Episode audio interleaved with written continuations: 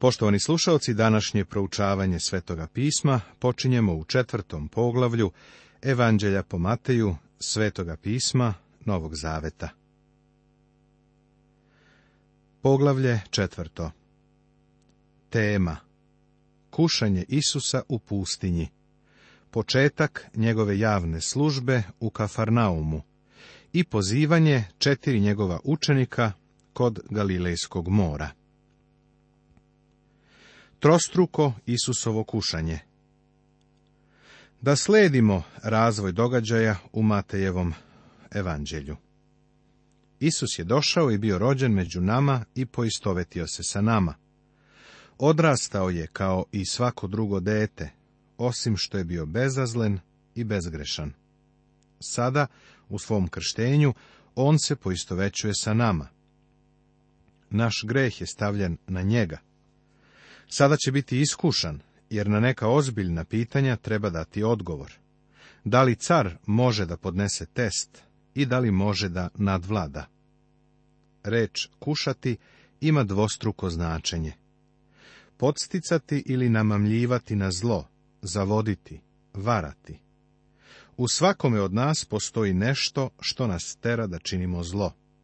Ovo nije slučaj sa Isusom dolazi vladar ovog sveta i na meni ne nalazi ništa, zapisano u Evanđelju po Jovanu u 14. poglavlju, u 30. stihu Svetoga pisma Novog Zaveta, a u poslanici Jevrejima u sedmom poglavlju zapisano je on je bio svet, bezazlen, neokaljan, odvojen od grešnika. Tako je Isusovo kušanje bilo drugačije od bilo koje kušnje, zbog koje bi ja pao jer je bilo mnogo veće. Drugo. Test. Prema Jakovu 1.13 Svetoga pisma Novog Zaveta, Bog ne kuša ljude zlom. Ipak čitamo da je Bog kušao Avrama u prvoj Mojsijevoj u 22. poglavlju. To znači da je Bog ispitivao Avramovu veru. Sada Isus treba da bude testiran. Da li je Isus mogao da padne? Na ovo želim da odgovorim naglašavajući nije. On nije mogao da padne. Da je Isus mogao da padne, onda ti i ja nemamo sigurnog spasitelja. Možda se pitaš, pa ako Isus nije mogao da padne, da li je njegovo kušanje bilo stvarno, pravo? Hteo bih da ti kažem da je njegovo kušanje bilo mnogo veće od bilo kojeg drugog koje smo mi ikada imali. Kada je konstruisan novi model automobila i kompletno ispitan, on se testira da bi dokazao da može da izdrži test. I svaki pravi dijamant se testira da bi se pokazalo da nije falsifikat. Slično tome gospod Isus Hristos je bio testiran da bi pokazao da on jeste upravo ono što je za sebe tvrdio. Da ovo ilustrujem jednom pričicom. Kada sam bio dečak, živeo sam u zapadnom Teksasu u Sjedinjenim državama. U to vreme to je bila redko naseljena oblast. Kroz naš gradić je prolazila pruga za Santa Fe, ali je voz samo prolazio i zaustavljao se u sljedećem gradiću. Ali prelazio je preko levog rukavca reke Brasos, koji je bio blizu našeg grada. U toku leta u reci nije bilo dovoljno vode, ni da se šljunak prekrije, ali zimi si rekom mogao da ploviš u brodu. Jedne zime je baš bila poplava i odnela je Santa Fe most. Dugo vremena smo bili bez voza. Konačno su ponovo podigli most. Na tome su dugo radili.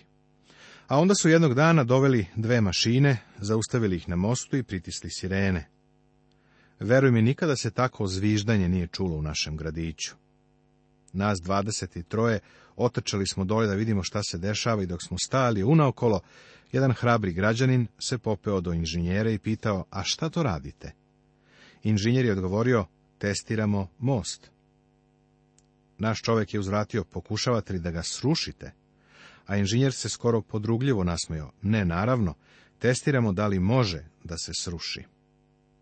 Upravo to je, ako smem tako da kažem, bio razlog zašto je gospod Isus bio kušan, trebalo je da dokaže da se neće srušiti. Zato je njegovo kušanje bilo mnogo veće od našeg. Postoji granica onoga što mi možemo podneti. Staviš me na iskušenje, povećavaš pritisak i na kraju ja ću pod njim klonuti. Ovo važi i za tebe. Ali Hristos nikada nije poklekao, iako je pritisak rastao. Drugim rečima, Ribolovačko uže od 5 kg će pući pod pritiskom od 20 kg, ali uže od 50 kg može mnogo više da podnese od 20 kg. Tako, ja sam kao uže od 5 kg, a on kao ono od 100. Još jedna vrlo zanimljiva osobenost ovog iskušenja jeste poređenje sa iskušavanjem Eve u Edenskom vrtu. Da počnemo sa činjenicom da je Hristos kušan u pustinji, a Eva kušana u vrtu. Kakav kontrast! Tada duh odvede Isusa u pustinju da ga đavo kuša. Njega je imao da kuša đavo. I postivši četrdeset dana i četrdeset noći, najzad ogladne. Tada mu priđe kušač i reče, ako si sin Božiji, reci da ovo kamenje hlebovi postanu. Ovakvo isto iskušenje je došlo na Evu. Prvo je bilo fizičko. Ona je videla da je drvo bilo dobro za jelo. Ovo je zapisano u prvoj knjizi Mojsijevoj, u trećem poglavlju, šestom stihu, svetoga pisma Starog Zaveta. Gospodu je rečeno da kamenje pretvori u hleb. U prvoj Jovanovoj, u drugom poglavlju, u 15. i 16. stihu, kaže se da je za hrišćane takvo iskušenje požuda tela. A on odgovori i reče, napisano je, neće čovjek živjeti o samom hlebu, nego od svake reči koja izlazi iz usta Božijih. Ovo se nalazi u petoj knjizi Mojsijevoj u osmom poglavlju.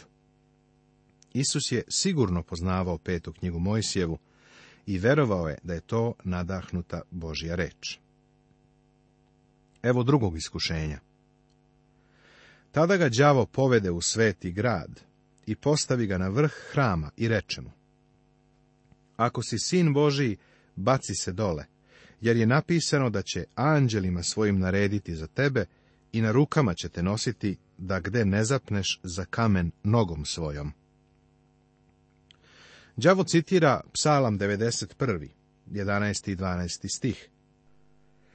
Iako ga ne citira precizno, ovo je duhovno iskušenje.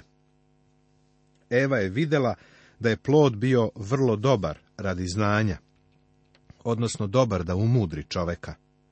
Za hrišćanina to je ponos života. Reče mu Isus, i to je napisano, ne iskušavaj gospoda Boga svoga. On citira petu knjigu Mojsijevu, šesto poglavlje šestnesti stih Svetog pisma Starog Zaveta.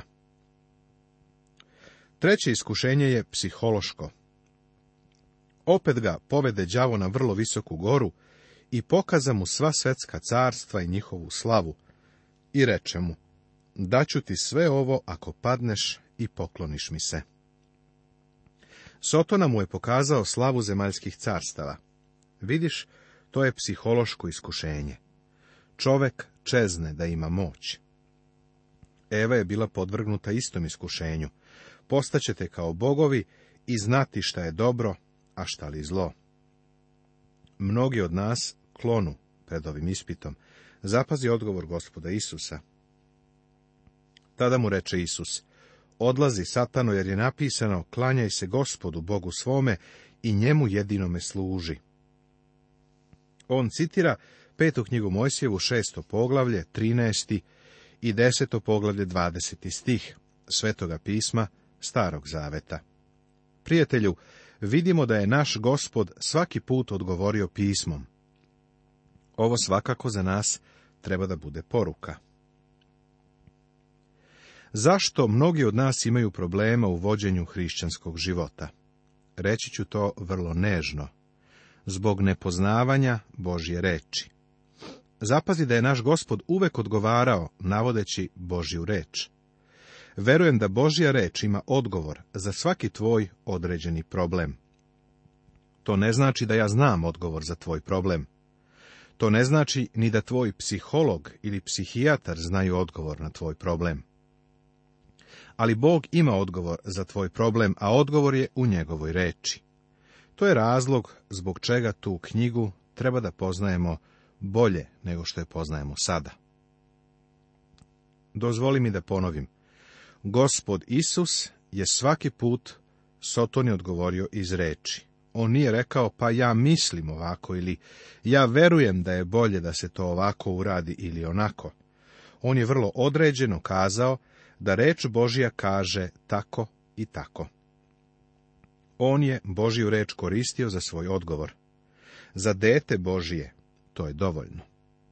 Usput da kažem, Izgleda da je đavo mislio da je Isus dao dobre odgovore, jer u sljedećem stihu čitamo Tada ga ostavi đavo, i gle anđeli priđoše i služa humu. Evanđelist Luka u svom četvrtom poglavlju u 13. stihu nam kaže da ga je đavo za kratko ostavio. Mislim da se već sljedećeg dana vratio i iskušavao ga kroz ceo njegov život. Mi to kušanje posebno vidimo u Gecemanskom vrtu, gdje je Isus podneo neopisivu patnju. Da sada napravimo vrlo sažetu rekapitulaciju ove epizode u životu našeg gospoda i da zapazimo neke stvari kojima nas ovo očigledno uči. Pre svega, vidjeli smo da je Isus bio rođen kao car, da je predstavljen kao car, da je bio kršten kao car, a sada vidimo da je i kušan kao car. Kroz celo Matevo evanđelje Isus je car. Ovo iskušavanje otkriva nekoliko stvari. Jedna od njih je da je đavo osoba. U ovom kontaktu sa Isusom on se tretira kao osoba. Ovo treba da pruži odgovor svakom ko veruju Bibliju, a ko postavlja pitanje u vezi sa ovim jer ima onih koji insistiraju na tome da je đavo samo neki uticaj. Također primećujemo suptilnu đavolsku insinuaciju. On je prvo rekao, ako si sin Božiji, reci da ovo kamenje hlebovi postanu. Drugim rečima, dokaži to na način koji nije Božiji. Međutim, nije bilo pokušaja da se Isus iskuša da počini zločin. Za njega to uopšte ne bi bilo ni pravo iskušenje, jer je Isusova sklonost bila da čini dobro. Pošto je hleb neophodan za život, bilo bi vrlo dobro da kamenje pretvori u hleb. Kasnije je u svojoj službi Isus hlebom nahranio mnoštva ljudi, ali neraskidivi deo sotonskog kušanja bio je da Isuse izvede izvan Božije volje za njegov život. Također, vidimo da je kroz iskušenja gospod Isus đavolu odgovarao iz reči Božje. Drugim rečima, koristio je mač duha svetoga. Vidi poslanicu Efescima, šesto poglavlje, 17. stih. Da bi njim dočekao neprijatelja Božijeg i čovekovog. Svaki put njegov odgovor je bio, piše to i to. O prijatelju, kada bismo samo bili vešti u korišćenju mača duhovnog. To je naše oružje u ovom danu u kome živimo i to je vrlo efikasno oružje. Još jedna zanimljiva stvar je to što je Isus citirao iz pete knjige Mojsijeve, Svetoga pisma, Starog zaveta. Drugo što je đavo želeo da Isus učini, bilo je da postane religiozni vođa, zahvaljujući izvanrednom čudu a ne kroz pružanje uverenja na način na koji je to Bog odredio. Đavolski način bi propustio krst Hristov. Ima mnogo čega danas što se naziva hrišćanstvom, a što je đavolstvo ili satanstvo, jer potpuno izostavlja Hristov krst. Đavo od Isusa traži da putem čuda postane veliki religiozni vođa. Prijatelju, danas je opasno biti zaveden čudotvorcima. I sada mnogi idu za takozvanim isceliteljima verom. Ne znam zašto tako mnogo ljudi sledi tako nešto, kada bi čak i malo istraživanje otkrilo da se prava čuda ne dešavaju na njihovim službama, iako je prisutno vrlo mnogo emocija. U Južnoj Kaliforniji ponudio sam novac onome koji izađe napred i pokaže dokaze svoga iscelenja da koga je doveo taj čudotvorac, iscelitelj. Iskreno govoreći, bio sam zapanjen što ih je došlo samo dvoje. Bili su to vrlo ozbiljni ljudi koji su stvarno verovali da su isceljeni. Mislili su, ja sam zastranio jer nisam verovao u njihovo iscelenje, a ja stvarno nisam verovao. Ali nemoj me pogrešno shvatiti, ja verujem u čudesno isceljenje u isceljenje kada ideš pravo velikom lekaru. Kada nešto ozbiljno sa tobom nije u redu, ti ne ideš stažisti ili nekom nadri lekaru. Ti odlaziš specijalisti za tu oblast. Ja sam svoj slučaj iznao pred velikog lekara, pa njega mogu i da preporučim.